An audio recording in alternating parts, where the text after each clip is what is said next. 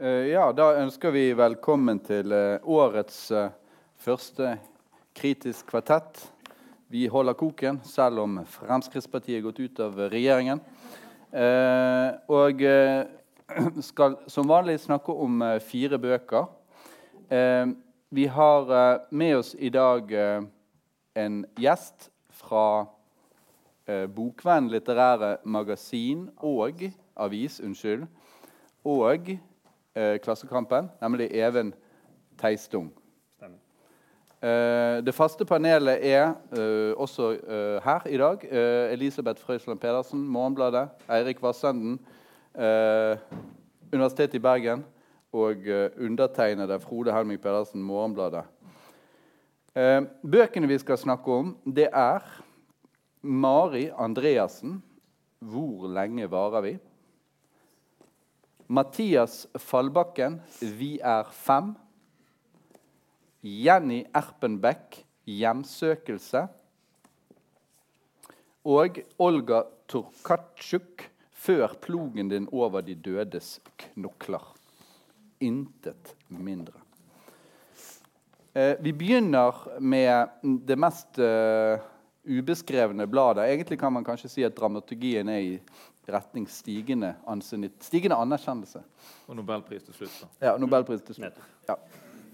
Eh, men eh, Så Mari Andreassen, eh, som eh, må finne seg i å åpne ballet, hun er altså debutant, født i 1983. Eh, og dette er en novellesamling. Eh, Andreassen har en del erfaring fra litterært arbeid fra før. Hun har gått på forfatterstudiet i Tromsø. Hun har jobbet med drama og scenekunst, står det, sier forlaget. Eh, og eh, debuterer i år, eller i fjor, da. Eh, det dreier seg om syv noveller. Man kan si at Et gjennomgående tema i novellene er mellommenneskelige relasjoner. Det sier kanskje ikke så mye, men det er en handling da fra uh, vår, vår uh, norske samtid. Vår samtidige norske hverdag. Og eh, det er som oftest to personer som står i søkelyset. Og vi føres da inn i en situasjon hvor det står noe på spill, hvor noe eh, Det er en viss desperasjon eh, til stede da. Eh, det, det, dreier seg om litt ulike, ganske ulike relasjoner. I første novelle er det en hjelpelærer, ung hjelpelærer og en elev. Eh, ungdomsskoleelev går ut fra, eh, med Downs syndrom, antagelig. Eh, I en annen novelle så er det mor og sønn. Eh, atter annen novelle så er det en lege overfor en ung mann som lurer på om han kan få svar på hvorvidt de skal bære frem, han og hans kjæreste da skal bære frem et barn som har et eller annet uspesifisert syndrom. Um, jeg kan ikke gå igjennom alle, men jeg vil si oppsummerende så vil jeg si at jeg finner alle noveller interessante. Noen mer enn andre, selvsagt. Eh, og jeg syns alt i alt at dette er en svært solid og god debut.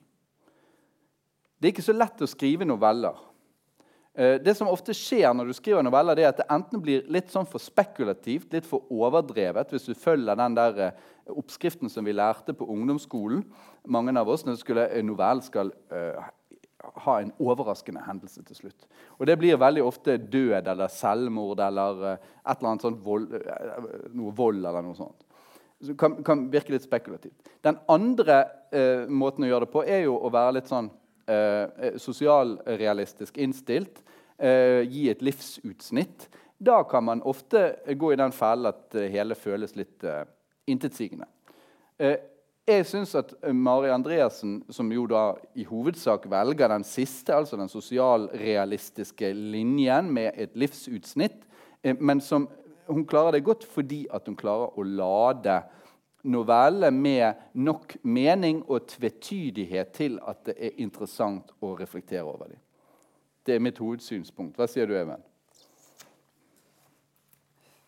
I utgangspunktet Jeg er litt nervøs første gang jeg gjør noe sånt her.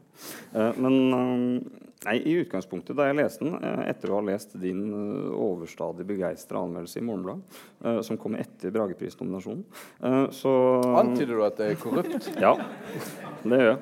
Nei. Men jeg leste med en mild skuffelse. For, nettopp fordi jeg syns det kanskje det, det hele var nokså intetsigende.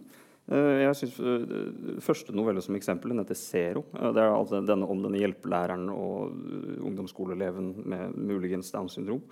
som jeg syns den bygger en nokså kraftig nerve, egentlig. Det, begynner, det, blir veldig ubehagelig. Særlig persontegninga av den hjelpelæreren, som er fortelleren, er etter hvert utrolig ja, Den er så stakkarslig. Det, mm. Men så syns jeg hun begynner å trekke Andreasen, begynner å trekke inn altså, at de sånn, seksuelle overtonene der For det, det, er altså en sånn slags eh, guffen seksuell spenning som ligger inne i novella her. At den trekkes inn på en utrolig uelegant vis. At det, blir, ja, at det går over i denne tvisten. At det blir en sånn slags spekulativ greie. Selv om den kommer gradvis. Ja. Det, at, uh, at jeg tenkte Ja vel, hva så? Hvorfor, hvorfor, skjedde det? Men øh, jeg leste videre. Enkelte av novellene imponerte meg. Det, kanskje særlig den, det er en av de som handler om en, en øh, mann som bare oppholder seg inne i huset sitt øh, og er ensom fordi han har blitt sånn jeg skjønte, en forlatt, eller at partneren hans har dødd. Jeg husker ikke det per akkurat nå. Jo. Men, men, for der opplevde jeg at det var noe virkelig som sto på spill. Altså, det var en sånn, en sånn, brennende følelse av ensomhet som ble tegna frem her. Som, men uten at det kom inn disse liksom sånn, liksom gufne eller ekle elementene som føltes litt oppskriftsmessige. Men så begynte jeg å lese det på nytt.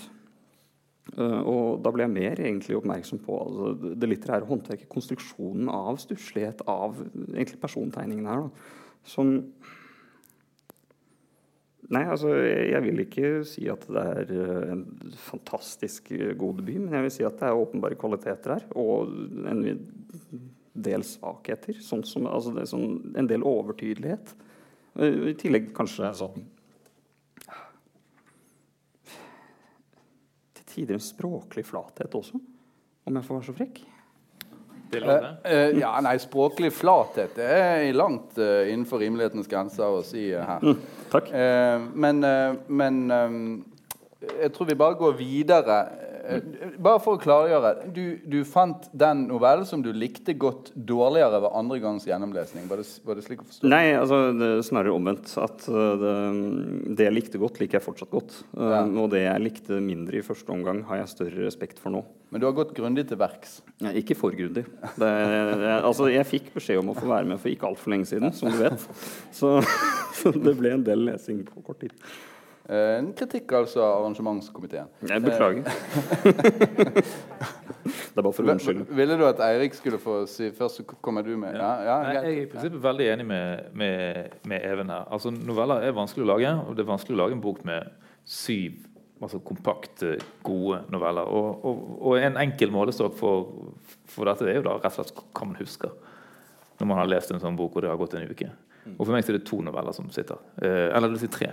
Den første som jeg ikke likte.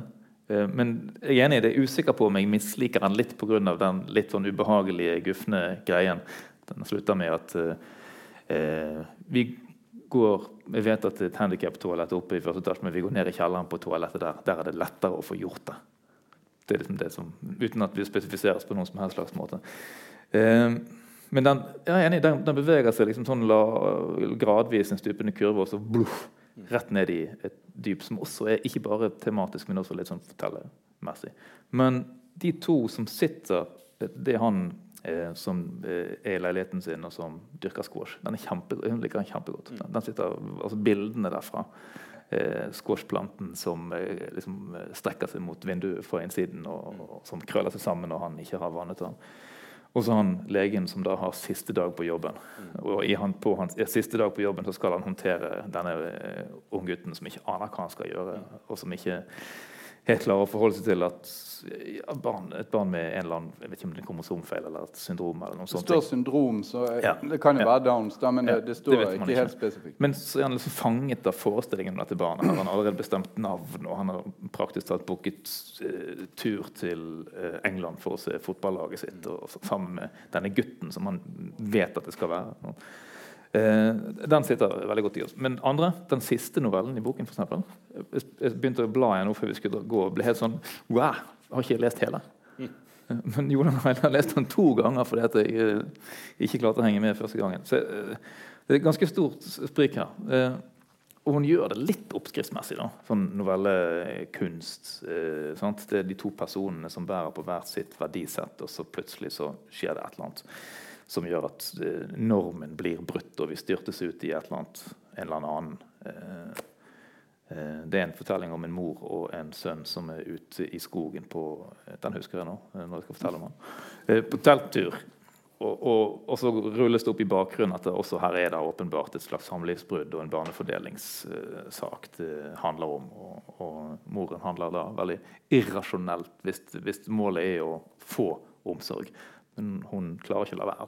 Eh, så han maner frem noe som funker. Så, hun maner frem noe som funker, Andreassen. Og så, og så er det noe ved eh, Noe ved også den fortellingen der som er litt sånn forsert.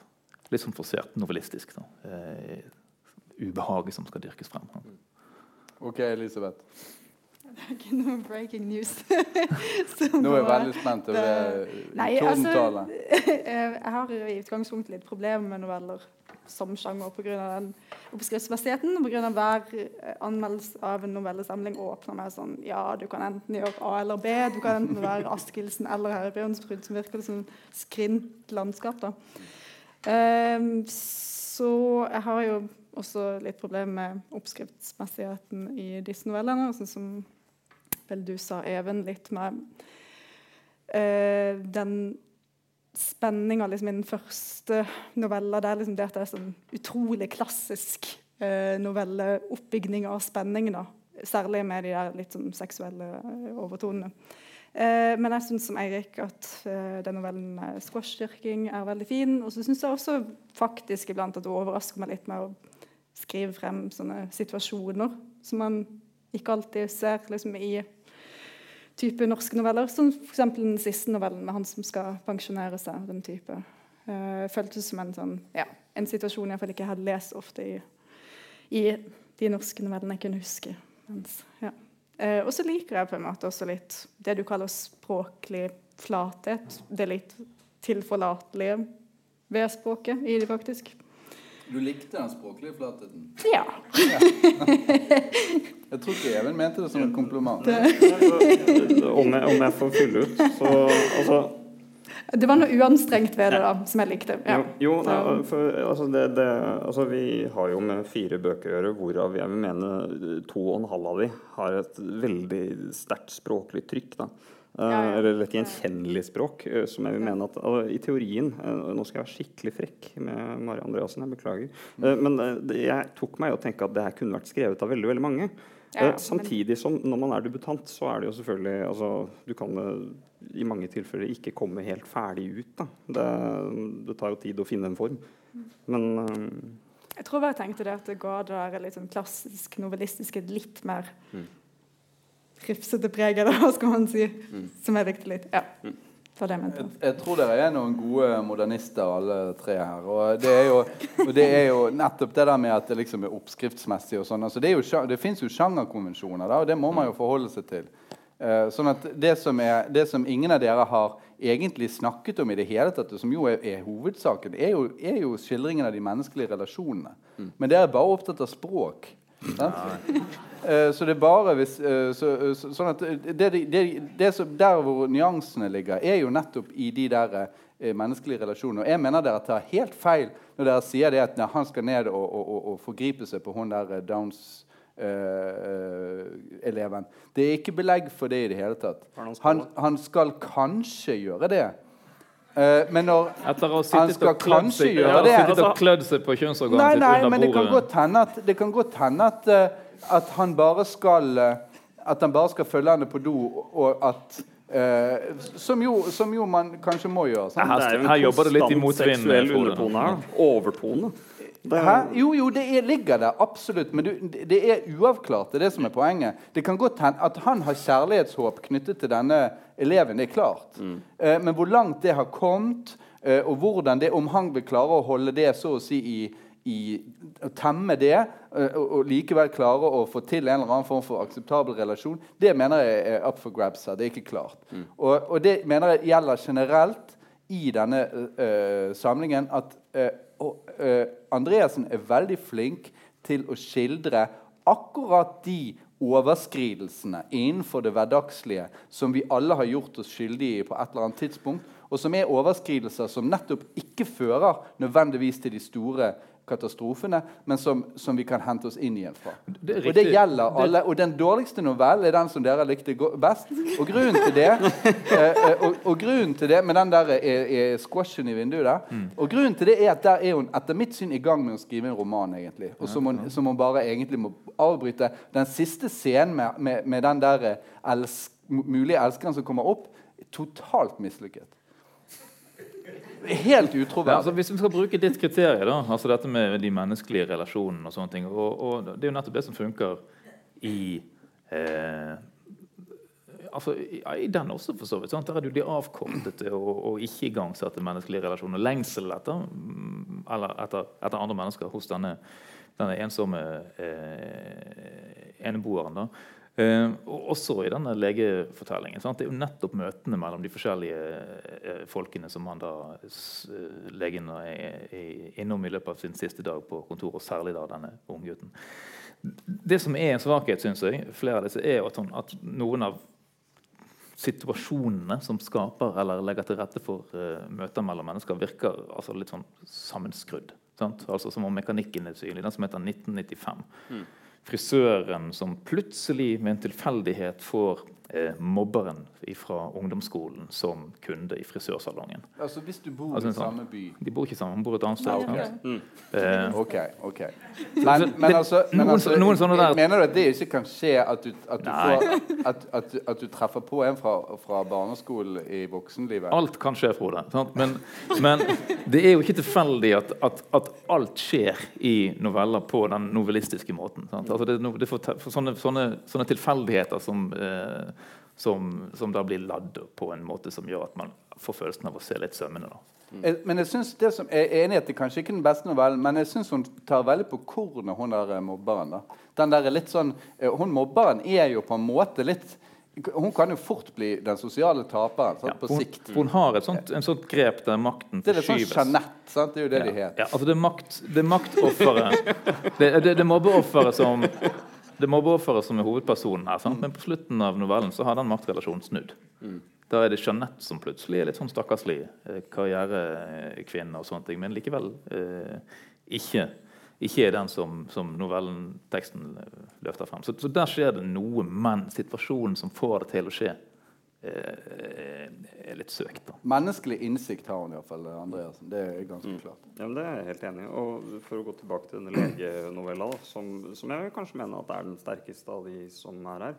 Eh, så Du snakka om overskridelse. Altså det er kanskje den eneste romanen hvor det ikke er noen form for liksom faktisk altså Jo da, han slutter i jobben, eh, men sånn i hvert fall i de mellommenneskelige relasjonene, i relasjon til denne unge gutten som sitter og prøver å finne ut av hvorvidt de skal beholde barnet eller ikke. Han sier jo ingenting.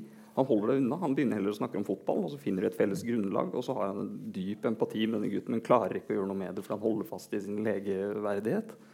Ja, eller, det, eller prinsippet om at du ikke du rett og slett du bør ikke si til et menneske som er så usikkert Vet du hva, jeg syns du skal beholde mm. det barnet. Nei, men Jeg syns det, ja. det, er vakkert gjort av Mari Andreassen. At at, hun, klarer å holde det der nede hele tiden og ikke gi det. Det at hun klarer å holde tilbake. fordi det er det jeg synes kanskje mangler, sånn som i den første novella, hvor et overgrep kommer til å skje. Uh, så så, så syns jeg, sånn, selv om det ikke skrives ut, så syns jeg likevel at det hadde vært bedre altså, jeg ønsker meg en annen novelle. Jeg ønsker at den skal slutte en side tidligere. mer eller mindre, At hun skal holde på spenninga. For det syns jeg ikke den gjør. Ok. Jeg tror rett og slett vi er nødt til å gå, gå videre. Jeg ser på klokken her. Selv om det var en veldig interessant diskusjon. Vi kunne sikkert ha fortsatt uh, med dette en stund til. Uh, men vi haster videre til Mathias Fallbakken. Uh, ja. Vi er fem. Ja, det er altså da provokatøren og konseptkunstneren og eh, alt mulig annet. Eh, forfatteren Mathias Fallbakken, som sjokkerte med porno og pedofili og rasisme og vold i sine første tre romaner. Nå har han altså da, så laget han jo en sånn veldig søt og, og, og, og underlig eh, restaurantroman roman. Eh, sin forrige, og så nå er han ute da med den som heter 'Vi er fem'. Det er en familieroman. Eh, fra en liten bygd et eller annet sted på Østlandet, der eh, Tormod Blystad, som hovedpersonen heter, vokser opp. Det åpner som en ganske streit oppvekstroman om en glup og oppfinnsom guttunge, men utarter ganske snart da, i, i retning av først overskridende rus. Tormod blir glad i brennevin og etter hvert amfetamin og holder på å da kaste bort alle begavelsene sine. Men så gifter han seg med Siv, som har det flotteste håret i bygden, og kommer på rett kjøl. Eh, de to får seg også to unger, og på det som da er nåtidsplanet i denne handlingen, så er familielivet blitt nokså tregt. Tormod vil gjerne ha en unge til, eh, men Siv sier at i så fall får du føde ungen sjøl hvis det er så jævla viktig. Som sagt, så, så gjort. Mer eller mindre. For tittelen på boken refererer da altså til at det dukker opp et femte familiemedlem. Vi er fem. Eh, Etter at de har prøvd seg med en hund som forsvinner under mystiske omstendigheter, så får Tormod lyst til å lage en dynamisk deig, som det heter. Og Det som begynner som da en sånn, litt sånn uskyldig lek med rødleire og kunstgjødsel og heving og, og sånn knaing og sånne ting, utarter etter hvert eh, en helg som kone og barn er bortreist, til en djevelsk og rusdrevet kreativ orgie der eh, også det som kalles intelligent knetleire Dette er ikke tull. Det finnes. Man kan søke på nettet og finne intelligent knetleire. Folk bruker det til litt forskjellige ting. Eh, eh, vaselin, knust karbon, alt dette eltes inn, samtidig som Tormod og da kompisen Espen fra barndommen, det er han som har har vært amfetaminleverandøren hans, han dukker opp. De får i seg store mengder med amfetamin og heavy metal, og plutselig så er det da laget liv. Leirklumpen blir levende og blir et femte familie, familiemedlem som da kan formes og brukes til alt mulig. Inntil da at uh, å ha blitt gjennomstrålt av familien sin wifi-server som den overnatter oppå en natt. En dag får smak på menneskehår i frisørsalongen der Siv jobber. Plutselig går det da fra å være et sånt sånn komisk, grotesk vesen som de herjer rundt med og leker med, til å bli en ordentlig horrorrekvisitt. En uformelig leireskapning som fyker bygden rundt for å støvsuge håret av først Siv, og deretter resten av bygdeungdommene. Det høres kaotisk ut, og det er det også, samtidig som, øh, som Fallbakken har lager stor komikk både i miljøskildringene sine og i personkarakteristikken. Og for så vidt også i språket sitt. Han høres også ut som en Tur Erik Lund, der han eh, herjer i vei på, på litt sånn sjargong og, og, og, og dialektaktig pregespråk. Altså, floskler som språklig energi og levende, kraftfullt språk brukes ofte øh, når man snakker om tekstene til Fallbakken. Jeg tror heller jeg vil se på det som noe vi kunne kalle i tråd med tematikken, en sånn voldsom språklig plastisitet, formbarhet. Han kan gjøre ganske mye med, med språket sitt. Han hermer og leker med, vrir og vrenger på sjargonger på talemåter og uttrykk. Eh, samtidig som man har den der komiske, morsomme, uh, underlige uh, plottet her, så ligger det òg en gjenkjennelig og alvorlig grunnfortelling under her, som jo handler om skapelse og kreativitet og, og kompromisser. Altså det man da ufrivillig og frivillig må ofre for å skape noe. Uh, han lager et nesten mytisk monster, denne Tormod Blystad, hovedpersonen, fordi han ikke klarer å la være. Og Det er en, eh, etter mitt syn jævlig morsom roman, men det er også noe annet da, inni her. Elisabeth? Eh, jeg er helt enig. Jeg syns det er en fantastisk bok. Og utrolig morsom. Eh, og jeg liker også utrolig godt hvordan han tar det der klassiske sånn Frankenstein-motivet, sånn gode myter, alt den der miksen der, og jorder det i en bygderoman. da. Eh, og skriver det frem på en liksom, nesten sånn på en måte veldig tøyla og så, mm, sånn nesten rølpete måter. da, sånn Veldig typete bygdeklisjeer. Eh, eh, så for min del så ja, fungerer den liksom på alle nivåer. Sånn, eh, men jeg ja, liker aller best hvordan man liksom tar eh, et i utgangspunktet ganske sånn forslitt konsept og bare leker det og gjør det til liksom helt annet. Og eh, uforutsigbart, selv om vi jo kjenner liksom grunnfortellingen. da. Uh, ja, jeg sender ballen videre til Even, Ja. likte du den? Altså, jeg tror ikke man skal undervurdere latter som kvalitetstegn. For jeg har ikke, eh, som jeg kan huske, ledd mer av en roman enn jeg har av denne. Altså, jeg lo så jeg grein uh, opptil flere ganger. Eh, det, det skal sies at jeg har også utrolig dårlig humor. Eh, men, eh, men det, er noe som Eirik var inne på, altså med den språklige plastisiteten. Altså det er en sånn måte å skrive på, en måte å bruke språk på, som er utrolig vittig. Det er så dumt. Det, altså, som, jeg, som, jeg, har sagt det, for, altså, det, det, er kanskje den dummeste romanen jeg har lest på veldig lenge. Og det er, et, altså, det er en positiv ting, for den er jo ikke uintelligent. Den er bare den er villet dust. Det uh, i høyeste grad vært å lese. Vel om jeg, altså, jeg har jo verken lest uh, Frankenstein eller uh, Gustav Meyrink, så jeg kan liksom ikke Jeg kjenner jo til det, men jeg, jeg har ikke den litteraturvitenskapelige ballasten jeg skulle hatt for å liksom snakke om referansen. Du er ung ennå. Ja, jeg veit.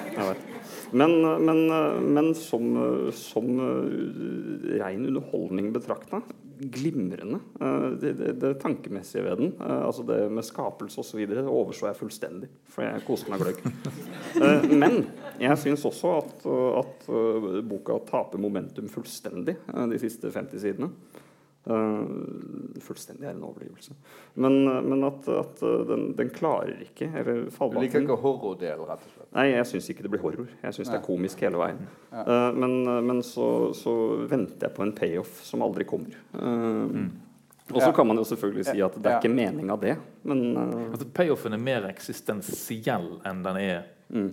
plott. Ja, det er, det er et sånt toneskift som skjer i løpet av de 20 siste sidene, bare. Og det er noe med sånn på siste side eh, så, så, kommer det plutselig et prat om at mystikere har alltid snakka om det og det og det. Og akkurat det ordet 'mystikere', når det droppes inn der, så, så får boka et okkult anslag. Som den, sånn, jo da, det er noe okkult der hele veien, men der kommer det virkelig til uttrykk. Og, og jeg begynner å lure på har jeg lest den feil. Har jeg, har jeg misforstått noe? Har, det, det, er jeg for dum? Det, Kanskje du må lese den en gang til. Kanskje det. Men, men eh, det, er, det, som jeg iallfall kan si, det er at akkurat på siste side kan jeg være enig. Siste side er et lite antiklimaks. Men det er, ikke, det er ikke nok til å det er ikke nok til å rokke ved at dette er en, en, rett og slett en fabelaktig norsk samtidsroman. Nei, nei, men det hvor, mener jeg der. Hvor det, er, hvor det er et sjelden sammenfall, eller et uh, sjelden vellykket forening mellom en idé og en utførelse. Da. Mm, mm. Uh, og og, og, det som er, eh, er, er ko, det komiske momentet i siste halvdel, når den der klumpen går rundt og leter etter negler og hår Altså negler, hår og tenner mm. eh, som man driver og skaffer seg på forskjellige måter. Keratin? Ja, ja, ja, ja, keratinholdige mm. ting. Eh, det, det morsomme der er jo at de har fått fatt i den gamle læreren som de hadde i naturfag. Eh, eh, og da er, de, da er begge disse, disse, to skaperne, altså de to Frankensteinsene, de er da kommet i uh, spiller Kleiben for for å, prøve å få fatt i det der monsteret før de andre får fatt i det. De skal ha en workshop. Ja, en workshop med han er litt nervøse gamle uh, naturfaglæreren som nå må samarbeide med absolutt verstingen, mm. som holdt på med amfetamin allerede i skoletiden. Og høre på Arn Maiden. Og høre på Arn Maiden Mens de skal prøve å konstruere en slags magnet som skal tiltrekke seg denne der uh, Metallsporene som er knadd inn i Ja, fordi at, ja. Mens, mens, og, og, og, da er han naturfelleren rett og slett blitt litt for gammel og litt forvirret til å skjønne at dette er bare amfetaminrør. Så, man, så, han prøver på en eller annen slags måte å få noe ut av det og hjelpe dem. Det, bare, det er totale kaos. Men jeg syns, jeg syns jo at eh, Jeg syns jo også at eh, den derre uh, Unnskyld.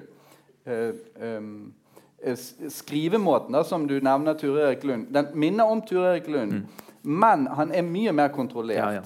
Mye mer kontrollert, og, og bruker det Ture Erik Lundske til å fortelle veldig effektivt. Mm. Eh, og det er, det er, eh, så, sånn sett en stor forskjell. Ikke et ondt ord om Ture Erik Lund eh, akkurat nå, men no.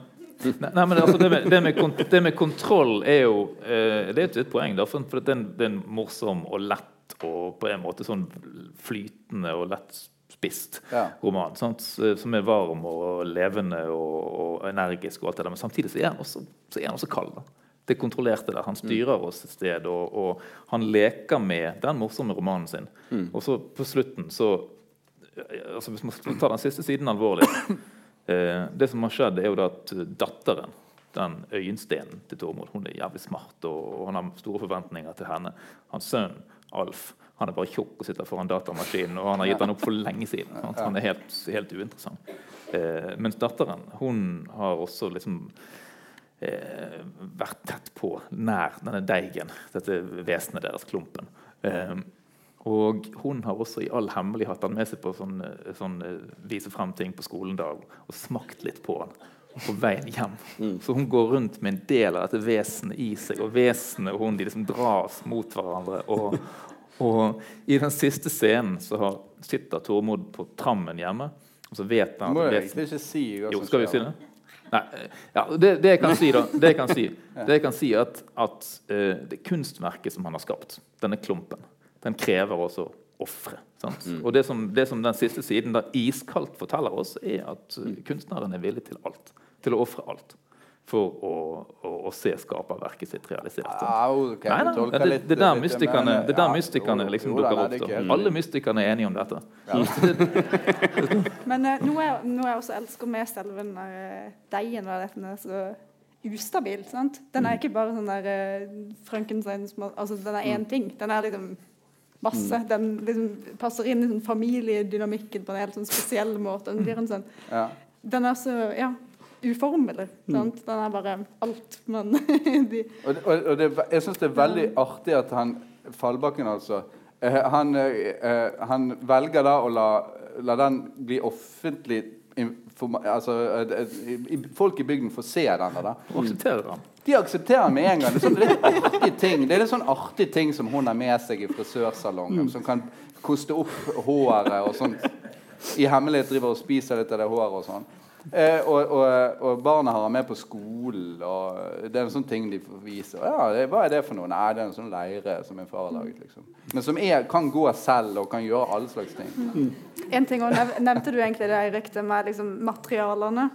Mm, ja. altså, det er jo kanskje noe av det beste. altså Hvordan eh, den materialkunnskapen på en måte, Ikke bare leire og alt det der, men til og med liksom frisørkunnskapen ja, til Siv etter hvert. altså Alt det er så utrolig sånn uanstrengt uh, dytta inn. da. Mm. Ja, for han er, jo, han er, jo, kunstner og vant til å jobbe med alle slags ja, ja, men Man får virkelig nære materialfornemmelsen gjennom ja, hele ja. romanen. Det, det, er jo et annet punkt som der han tangerer Ture Erik For Ture Erik Lund sine romanpersoner, og særlig han eh, Myrbråten. Der er det mye, det er mye mekking. Det er mye ja. greier i verkstedet der. Og jurper og surkling og tjære som koker og ting som liksom blir til noe. Ja. Men, og da får man følelsen av at alt bare sauses inn i et eller annet underlig, organisk, eh, flytende noe. Men her er det liksom alt systematisk. Nei. Selv når de går på tredje dagen på sånn intens amfetaminrus, og, mm. og så er det liksom ordentlig, og de har, de har styringen på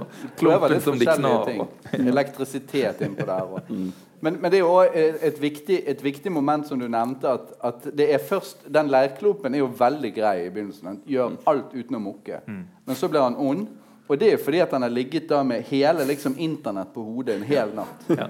Men I tillegg til at de også Og det går jo frem. sant? De tar, begynner å ta han for gitt. Sånn som ja. man av og til gjør med familiemedlemmer. Og kanskje ja. mer med noen enn andre. da. Men, men med hunden, som da, det er Siv som har altså, Det er litt sånn, det er litt sånn noe greier der. Eh, men de plager han også.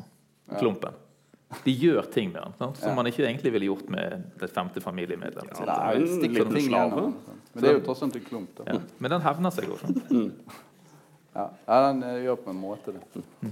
Ok, uh, vi er alle begeistret. Vi håper uh, Fallbakken vinner kritikerprisen. Håper det har stemt. Uh, dette er en fabelaktig roman.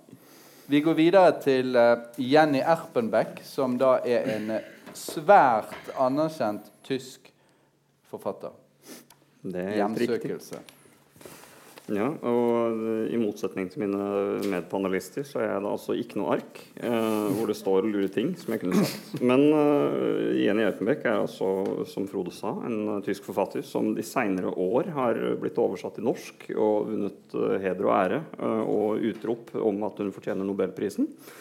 Um, Hun er utdanna skal vi se, hun er utdanna bokbinder og operaregissør. Uh, det er noe jeg mener man i hvert fall sistnevnte merker i romanen. Uh, 'Hjemsøkelse', uh, 'Heimsohung', kom opprinnelig ut i 2007. den er altså 13 år gammel.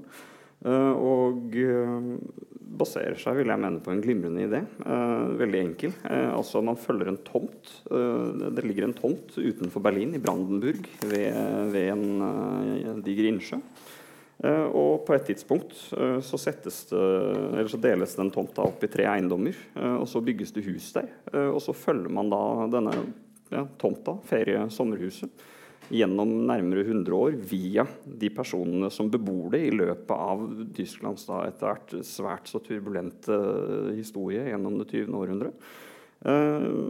og da er det nye karakterer hele tiden. Det er eh, en arkitekt, det er hans kone, det er den jødiske naboen, det er en eh, østtysk forfatter, en sovjetsoldat osv. osv. osv.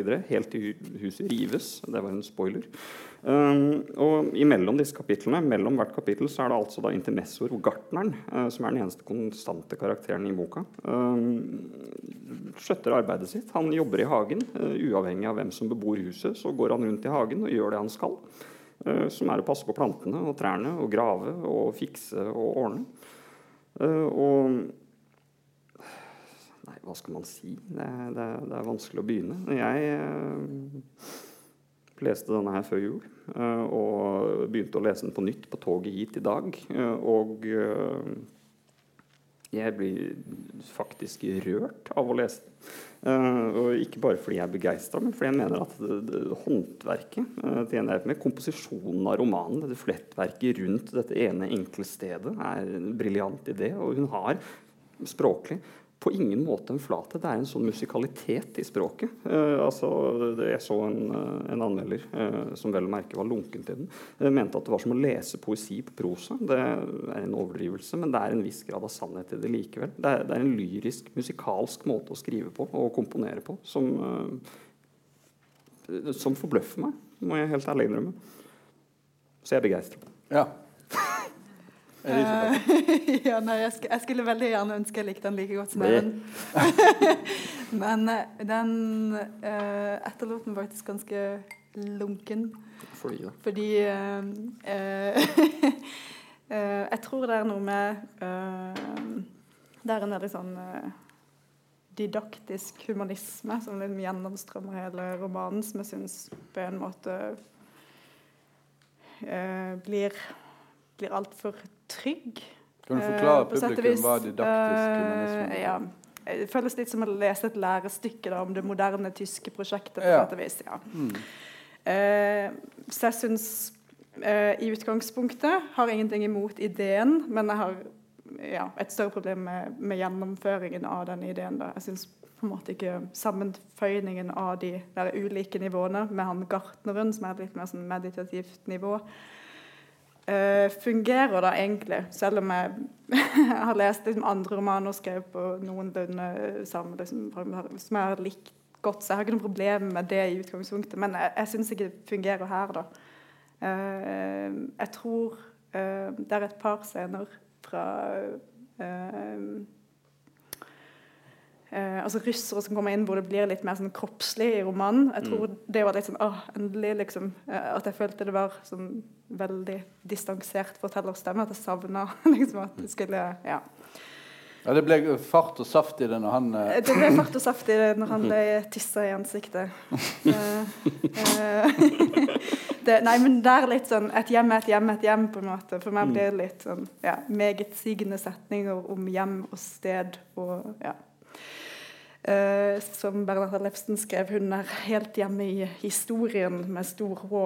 Uh, jeg leste ikke den. Var han positiv eller negativ? Uh, han var positiv, selvfølgelig. Ja.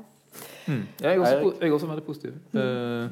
jeg liker veldig godt måten Du er vel en slags didaktisk humanist? Ja, kanskje det. Det er i hvert fall jobben min å være en didaktisk humanist. jeg skal jo utdanne nye generasjoner med norsklektorer. Og da er det jo en fordel at de er, i noe i nærheten av didaktiske humorister når vi er ferdig med dem. Men eh, nei, jeg liker veldig godt måten hun Jeg kan si at altså, Opplegget, partituret, er på en måte, Det er ikke noen overraskelse når du har lest 30 sider, for da, da er man inne i syklusen. sant? Hun åpner med skapelsen av landskapet og, og, og et slags sånt mytisk, historisk eh, fortelling om, om, ritualer og eh, måter disse tomtene skifter eh, eiere på. Eh, og, så, er det gjennom da, år etter år. Sant? Disse eh, gartneren som gjør sine ting, som klipper eh, trærne, som sår og planter og steller. og det er de som til enhver tid bor feriehuset, som stenger det for vinteren og åpner det gjennom sommeren, og, og, og alt dette som, som uh, ruller og går. Og så ja, altså, didaktisk prosjekt altså Innledningsvis for, Man forstår jo hvor det skal hen, men likevel så kommer de forskjellige delene her nokså liksom sånn umerkelig eh, introduseres de, og så forsvinner de igjen. Og så er det nye eiere, og så er vi i et nytt eh, tiår. Eh, eh jeg må innrømme at det, Innimellom så bruker man litt tid på å reorientere seg når man kommer til en ny tekst, nytt tekstfragment. Hvor er vi nå? Eh, hva har skjedd? Hvor mange, mm. Har det gått ti år siden sist, eller det bare, var det bare i fjor vår vi var i dette huset sist? Eh, og når man har skjønt, men når man har skjønt uh, dette etter en stund, så vet man jo omtrent også hvor man skal. Bare lurer på hvor langt frem i tid vi, vi kommer til å uh, vi kommer til å bevege oss. Men så, så skjer det logiske at uh, huset som da bygges en eller annen gang etter 1930, er det det? ikke lenger kan stå. Og da blir det bare en tomt igjen. Så det går en full full, eh, et fullt livsløp til et sånt feriehus. Det er en flott, fin, veldig veldig gjennomkomponert. Kan hende at jeg kan forstå hva Elisabeth mener med, med, med at Hva var det kalt det? Konstruert? Didaktisk? det er verdiene, men Kjedelig. Nei, nei, nei, men jeg, mener ikke egentlig kjedelig. Jeg mener at den er litt tung på labben. da. Ja, ja, ja. Jeg, jeg, kan, ja jeg, kan forstå at, jeg kan forstå at du mener det. Ja. Eh, men jeg tror, ikke, jeg, tror ikke jeg, mener det. jeg tror ikke jeg mener det selv. Nei. Eh, jeg forstår at han kan se konstruert ut. Sånn. Men, det, men, det er ikke konstruert. altså Jeg godtar på en måte det der tydelig. Men, men det er det der med hvordan det, der, ja, det tyske liksom skal inn på et vis som overhodet ikke er subtilt. da. Altså Det blir for anstrengt på sett og vis, mm. Synes jeg. altså måten det. Men Frode, du kan Nei, Jeg er helt enig med deg. Helt enig med deg. Jeg mener at Erpenbeck her uh, utviser alle de typiske tegn på en forfatter som har satt seg for å skrive en virkelig, virkelig stor roman. Og Det som skjer da, det er at det blir veldig høytidelig, veldig sånn betydningsfullt. Det er liksom diktning hele veien, og du merker det på hver side. Og jeg tenker som så at uh, Ja det, det, er jo vanskelig å si at altså Du kan ikke si at det er direkte dårlig. Det ville være, det ville være å gå for langt. Da. Men jeg vil si i fall at, at det er en tung, tung på labben, er helt enig i. Og, og, det er også en form for et, en sånn, et, et, forsøk på å skrive en viktig bok, på en måte. Alt ja, det der. Ja. Uh, og det der, eh, selve ideen, den, den vil jeg tro den, at den er hentet fra Virginia Woolf og midtpartiet i To the Lighthouse som er, som er, nettopp huset som står igjen. Alle eh, menneskene har mm. forlatt det. Eh, det kommer bare en tjenestepike innom en gang imellom og gjør litt rent. Krigen raser i Europa osv. Eh, det er jo det, er, og, det tror jeg er kjernen i ideen. Så er, men så er på en merkelig måte så er dette huset veldig utydelig gjennom hele romanen. Stedet får liksom heller aldri noe egentlig grep om det er veldig mye detaljer. Alt oppløser seg i alle slags detaljer. Men det som er, det verst, det som er verst, da, eh, for nå å ta det Og da skal jeg lese et sitat. Det er at uh, i motsetning til Virginia Woolf, som alltid er forfriskende og gåtefull og spenstig og oppåpnende på alle slags måter, så er Erpenbeck altså tungrodd, noen ganger fortenkt og veldig sånn anstrenger seg for å si noe vektig hele tiden. Og da blir det sånne setninger som dette. Her er det, her er det da en, en, elskerinne som for første gang skjønner at den gifte mannen hun har innlatt seg med, eh, eh, faktisk har tenkt å gjøre alvor av forholdet deres. Altså gå fra sin kone og sine barn. Og hun er linedanser. Eh, da gikk det opp for linedanserinnen at en som besitter alt mulig, deriblant hustru og barn, først må slutte å sitte og deretter reise seg, gå av sted og meget, meget langsomt øke farten og til slutt ta spranget, om han da gjør det, og at en sånn en, når han først tar spranget, vil ha et sted å lande og ikke bli hengende i løse luften. Altså eh, Da blir jeg veldig sånn matt. Altså Det hun sier, det er at eh, ja, eh, hvis en sånn mann skal gå fra kone og barn, så må han ta en beslutning. Og så må han vite, at, uh, vite sånn cirka hvordan det skal gå. That's it. Og så, så lager hun sånne. Og, og, det der gjør hun på nesten hver side, og det er veldig trettende. Og jeg mener, jeg mener meg i stand til å gjennomskue det. Kort og godt. Mm. Ingen nobelpris for oss. Nei. Nei. Hun er ikke linnedanser. Uh, hun er uh, stenograf. Um, bare for å ta deg på det. Nå leste jeg jo da ja, men det hun, sitatet. altså, hun, hun, kalles det fordi hun har en drøm sånn, ja. om å være linnedanser ja, ja, eller sirkusartist osv., men det skjer ikke. Det var sånn, uh, unnskyld Ser du, jeg leste for raskt, for jeg ble, ble for irritert. Uh, litt sånn merkelig setning. og sånn, En setning jeg tenkte veldig på det Frode, når jeg leste den. Um, svømmingen er alltid seg selv lik. Punktum. Ja. Sånne sånne irriterende som en sånn refreng som bare Svømmingen er jo ikke seg selv alltid. Det er ikke bare tull. Det er jo det. Men dette ikke, ikke dette er også snakk om den spesifikke svømmingen til denne spesifikke mannen Ja, den spesifikke ja, ja. bryggen i det akkurat havet der. Altså det, det er jo morgenbadet eller kveld- kveldsbadet som gjentar seg selv. da. Nei, altså Ja, så er det veldig mye research som man gjør bruk av. Sant? Det er veldig mye sånn fakta. Hvordan, hvordan demonterer du et hus i dagens Tyskland? Så det er masse sånne fakta om det. Ja, Ja. ja. ja, Og det er jo ingenting å legge skjul på at dette er en, altså det, det er en roman der som, der, som, som er ja, komponert, som Even sier, eller, eller eh, regissert, eller, eller, eller konstruert, da? Altså, med de forskjellige, forskjellige bitene her.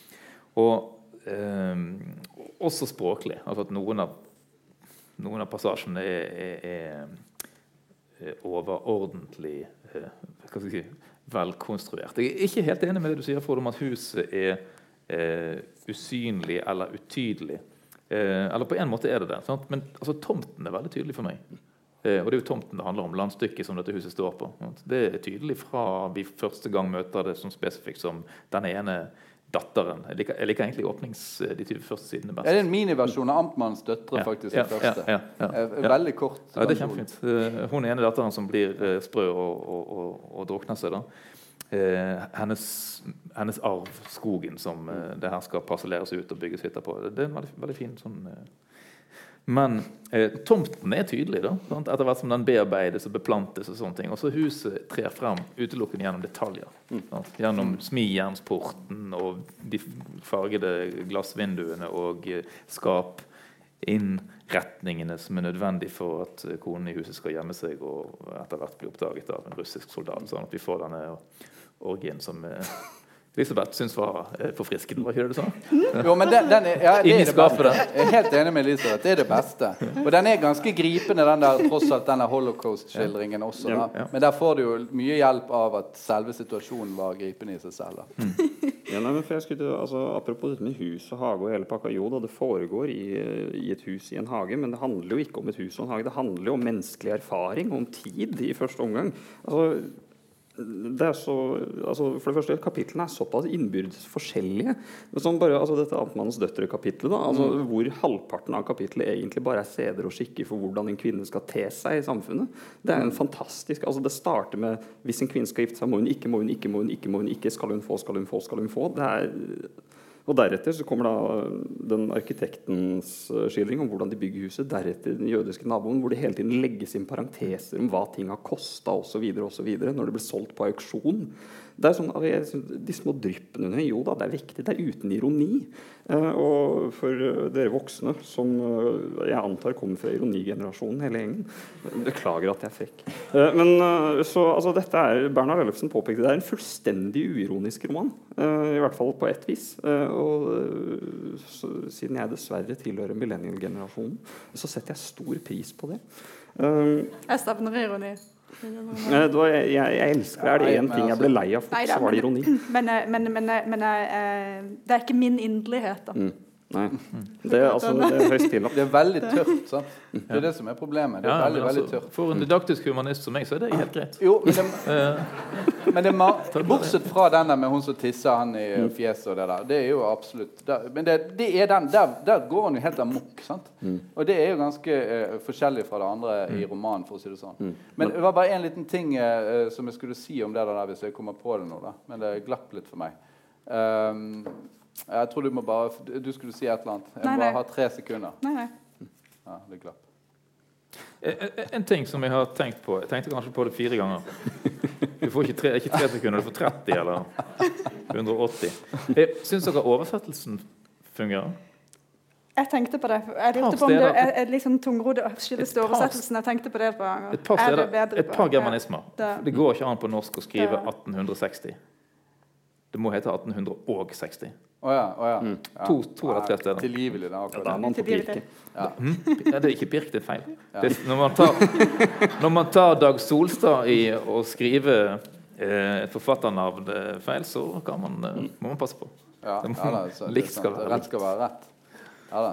Likt for alle. Men, men får jeg bare kommentere meget kort at det, det med denne tørrheten og distansen som også ble nevnt, det er altså helt åpenbart et poeng som jeg vil mene fungerer veldig godt. Altså, det jeg vil mene Erpenbeck gjør, er jo at hun ikke tillater seg altså Hun tillater seg jo ikke å dvele ved noen av karakterene. egentlig Man får korte utsnitt av livene deres, korte utsnitt av erfaring av å ha levd i det 20. århundre på et visst sted i Tyskland. Eh, Men uten at man, altså det, er, det er ingen kontinu eller, Jo, det er husets kontinuitet, men det er ikke menneskenes kontinuitet. Du får ikke den narrative fortellingen hvor du skal sitte sånn og leve deg inn fra A til Å. Det er glimt. Det er glimt Ja, det er glimt. Men det er, det er et eller annet med at hun, hun mangler det der briljante glimtet.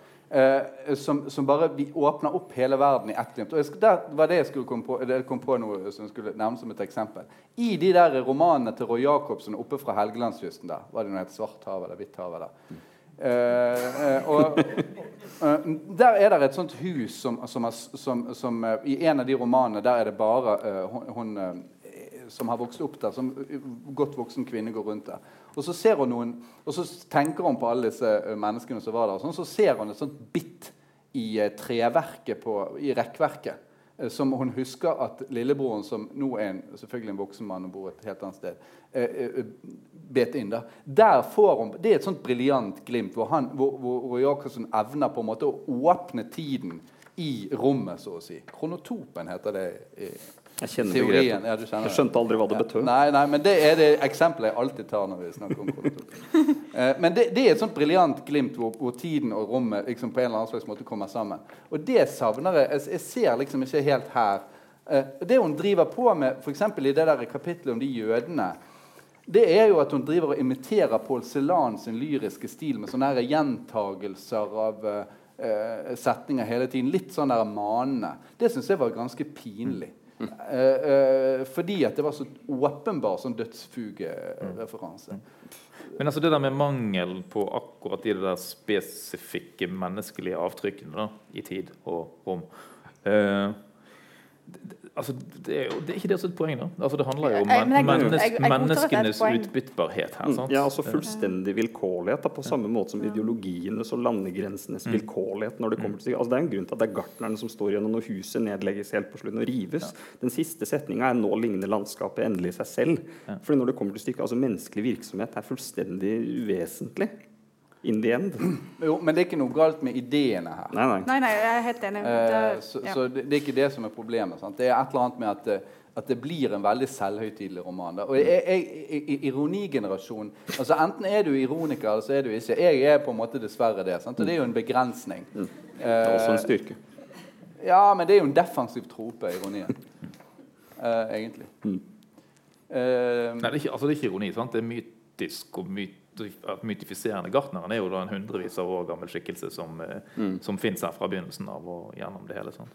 ja. Eh, der er det ikke plass for noe ironi. da. Nei, Jeg men vet ok, ikke om, vet ikke om Tysklands, jeg vet om. Tysklands historie fra 1930 og fremover tåler eller påkaller ironi, først og fremst. Nei, men, men det er jo en fortelling som er fortalt ganske mange ganger allerede. Men, eh, men uh, eh, vi, vi, vi fordeler oss i to leirer her. Og det er jo litt kjekt. Det er jo ikke alltid vi gjør det. Og det er kjekt å være på lag med Elisabeth, syns jeg. Det synes jeg. Uh, du, har, du har jo da alliert deg med professoren. Ja, altså, hva kan jeg si? Ja, ja, så du har Jeg velger han med de du har flotte brillene. på alle mulige måter. OK, neste. Det er altså Ja, denne skal vi gå videre til den? Ja. Uh, kanskje ikke ja, presentere den litt kort, siden vi sikkert ikke har all verdens tid. Um, skal vi se hva noen holde den opp. Eh, ja. 'Før plogen din over de dødes knokler' heter den. Uh, det er den andre romanen og nobelprisvinner Olga Tokarczuk som kommer ut på norsk.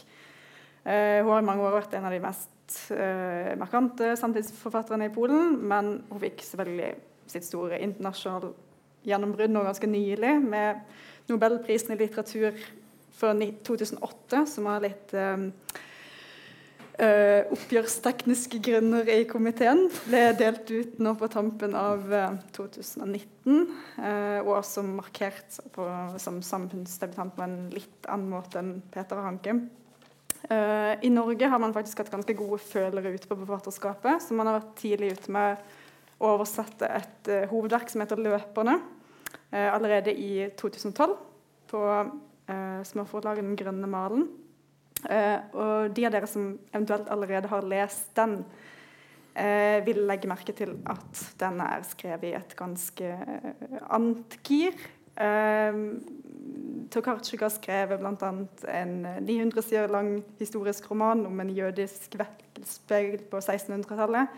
Og har eksplisitt uttalt at hun ønsker å skrive noe litt annet og lettere eh, med akkurat denne boka. Eh, altså Den har en ganske mye streitere struktur enn andre Tokarczuk-romaner. Den har en veldig tydelig intrige og er mer ja, avgrensa i tid og rom, da, kan man si. Uh, Handlinga er satt i den polske landsbygda i grenseområdet mellom eh, Polen og Tsjekkia. Uh, og Fortellinga åpner med et hovedperson, uh, Janina, som er en ganske eh, fargerik personlighet. Som presenterer seg som tidligere broingeniør og engelsklærer. Hun er også amatørastrolog, militant vegetarianer og William Blake-entusiast. Eh, hun finner sammen med en venn like av eh, naboen sin. En eh, mannevond krypskytter som hun kaller Storefot. Eh, han ser ut som han har blitt kvalt et bein, og Janina sin hypotese er at det er dyrene i skogen som hevner seg på ja, dette lauget av eh, jegere. Eh, Etter hvert så blir det flere landsbyboere i det samme jegermiljøet funnet døde. Alle under samme sånn mystiske omstendigheter. Og da blir Janine en sånn eh, litt sånn Miss Marple-figur eh, som eh, engasjerer seg veldig i etterforskninger med dødsfallene, med lange brev til politiet. Eh, hvor de møter stor motstand i en slags sånn eh, gutteklubb som virker gjennomsyra kameraderi. Um, før plogen over de dødsknokler, altså en slags sånn eh, økokrim, på sett og vis, med litt sånn eh, eh, astrologiske avstikkere, litt eh, metafysiske innslag. Eh, den er også ganske tydelig skrevet sånn feministisk raseri, med et sånn slags horn i siden til polsk provinsialisme og religiøst hykleri. og jeg leste også en anmelder som kalte det en slags sånn, eh, anarkistisk fornuft på vegne av dyrs rettigheter. Det, er en slags sånn, eh, verdisyn som kommer frem i, i, eh, i romanen. Men det som først og fremst driver han, er liksom, energien i, i eh, fortellerstemmen. Altså Janina sin måte å, å se verden på og sette navn på verden. Eh, ja, jeg tror vi tar det videre derfra, kanskje. Men du kan jo si om du likte den, da. ja. eh, Den er selvfølgelig noe helt annet enn eh, det hun har skrevet tidligere, men jeg syns den eh, funker på sine premisser. Jeg tenker Alle bøker i et forfatterskap trenger ikke være hovedverker. Det det er et hvileskjær, mener du? Det er et hvileskjær i hennes forfatterskap? Uh, ja, på sett og vis er det det, liksom. Men eh, ja. Jeg, jeg syns det var et, uh, en, en fin liten et fint lite hvi- hvi- hvileskjær. Og en veldig god oversettelse som, som jeg har innstilt til Kritikerprisen, som er oppå der også. Av eh, Julia Widlocker, heter hun som er oversetteren. Ja. Even, hva syns du? Jeg har innstilt den til Kritikerprisen. Men, uh, jeg hadde veldig høye forventninger. Um, og det ble litt skuffa. Du innstilte den før du leste den? Uh, nei, altså oversettelsen er jo glimrende. Det, men, uh, ja. Men, eh, men, eh, men eh, boka eh, som sådan er eh, Jeg veit ikke. Sånn sett, jeg hadde veldig høye forventninger. Altså Mitt problem Jeg har et grunnleggende problem når jeg leser. Og det er, eh, Jeg skrev masteroppgave om eh, VG Sebald. eh, Og pga. det, hver gang det dukker opp en sammenligning med VG Sebald et sted, eh, så tar jeg det for løgn, og så beviser jeg at det er løgn. Men Eh, det som er greia med Stefan. Unnskyld at jeg avbryter, men det er de andre romanene Ja, jeg veit. som er-. For jeg har løperne liggende og har stor tro på dem. Men, men den her, hvis vi skal gå på idé kontra eh, utføring Mange veldig mye spennende ideer her, eh, som eh, Elisabeth var inne på. Men jeg syns at romanen som, så, som roman, eh, altså som et verk på 290 sider som jeg skal lese, så syns jeg det helt ærlig var, for å bruke et frykta ord, litt kjedelig. Det, jeg, jeg lot meg ikke fange av, av intrigen. Eh, jeg satt og klødde meg i hodet og tenkte ja vel. Eh, men det som etter hvert våkna, eh, var, eh, var fortellerskikkelsen. Altså Janina er en glimrende fortellerskikkelse som, som jeg syns blir veldig levende. gradvis. Sånn, altså Hun bruker store bokstaver på eh, nøye utvalgte ord, vil jeg tro. Og driver da med den astrologien sin og prater med seg selv og snakker om sine plager og har rennende øyne og oversetter Blake på fritiden. Og henne som figur ble jeg besnæra av, men jeg syns ikke det var nok til å bære romanen. Må jeg ærlig innrømme. Ja, eh, også, altså for det første eh, astrologi. Eh, det er ikke mitt fag. Eh, og og det, det er ganske mange detaljer. Altså jeg vil si at Ca. 15% av boken og sånt handler om astrologiske utgreininger og forklaringer på forskjellige, forskjellige av disse handlingsstedene. Even. Nei, nei, altså, nei, det var egentlig bare en, en uh, videre kommentar til meg selv. uh, før Jeg ble Jeg skal ikke si avbrutt. Men jeg sjekka horoskopet mitt i dag. Ja. Um, og der står det nemlig, uh, for, og det har med min vurdering av boka å gjøre Jeg er født uh, 2.6. Jeg er tvilling. Uh, der står det uh, Ditt horoskop for i dag sier at du skal fokusere på å respektere andres synspunkt i dag. I stedet for å kritisere skal du i dag undersøke hvorfor andre har en annen mening enn deg.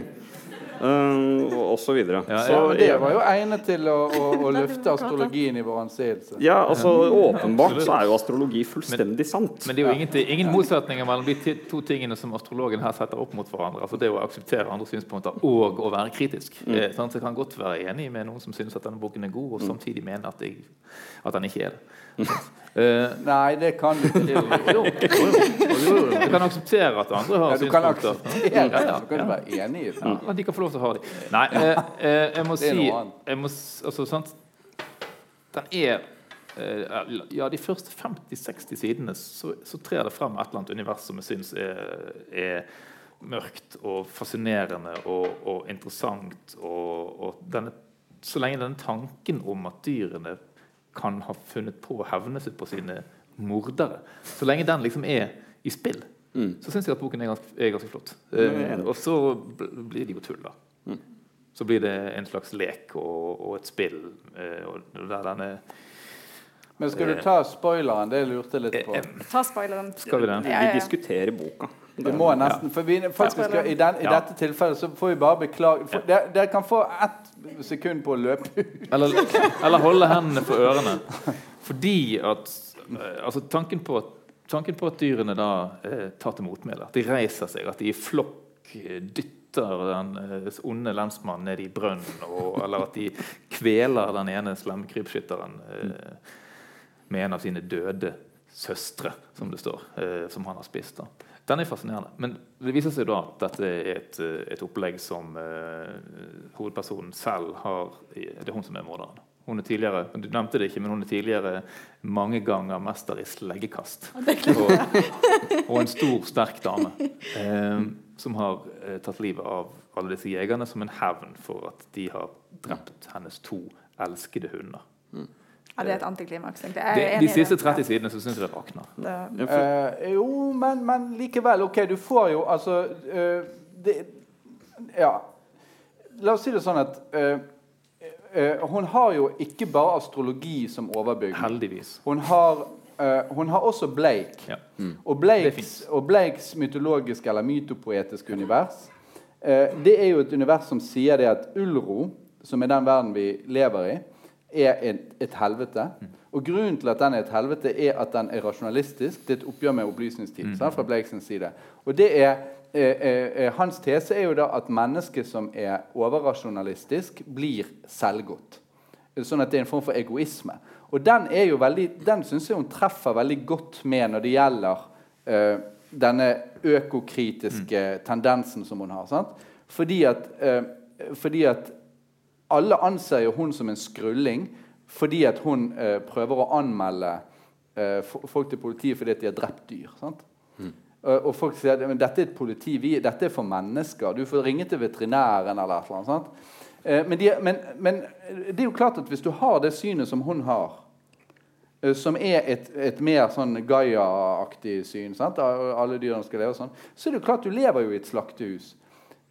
Så jeg kan jo godt forstå, jo godt forstå den innstillingen. Og jeg syns Blakes univers passer veldig godt til det. For det, det hun søker, er det som Blake kaller for Beulah som er på en måte et, et slags paradis på jord. Da. Og da er det nettopp at, at, at skaperverket skal leve sammen i en sånn slags kreativ, et kreativt univers.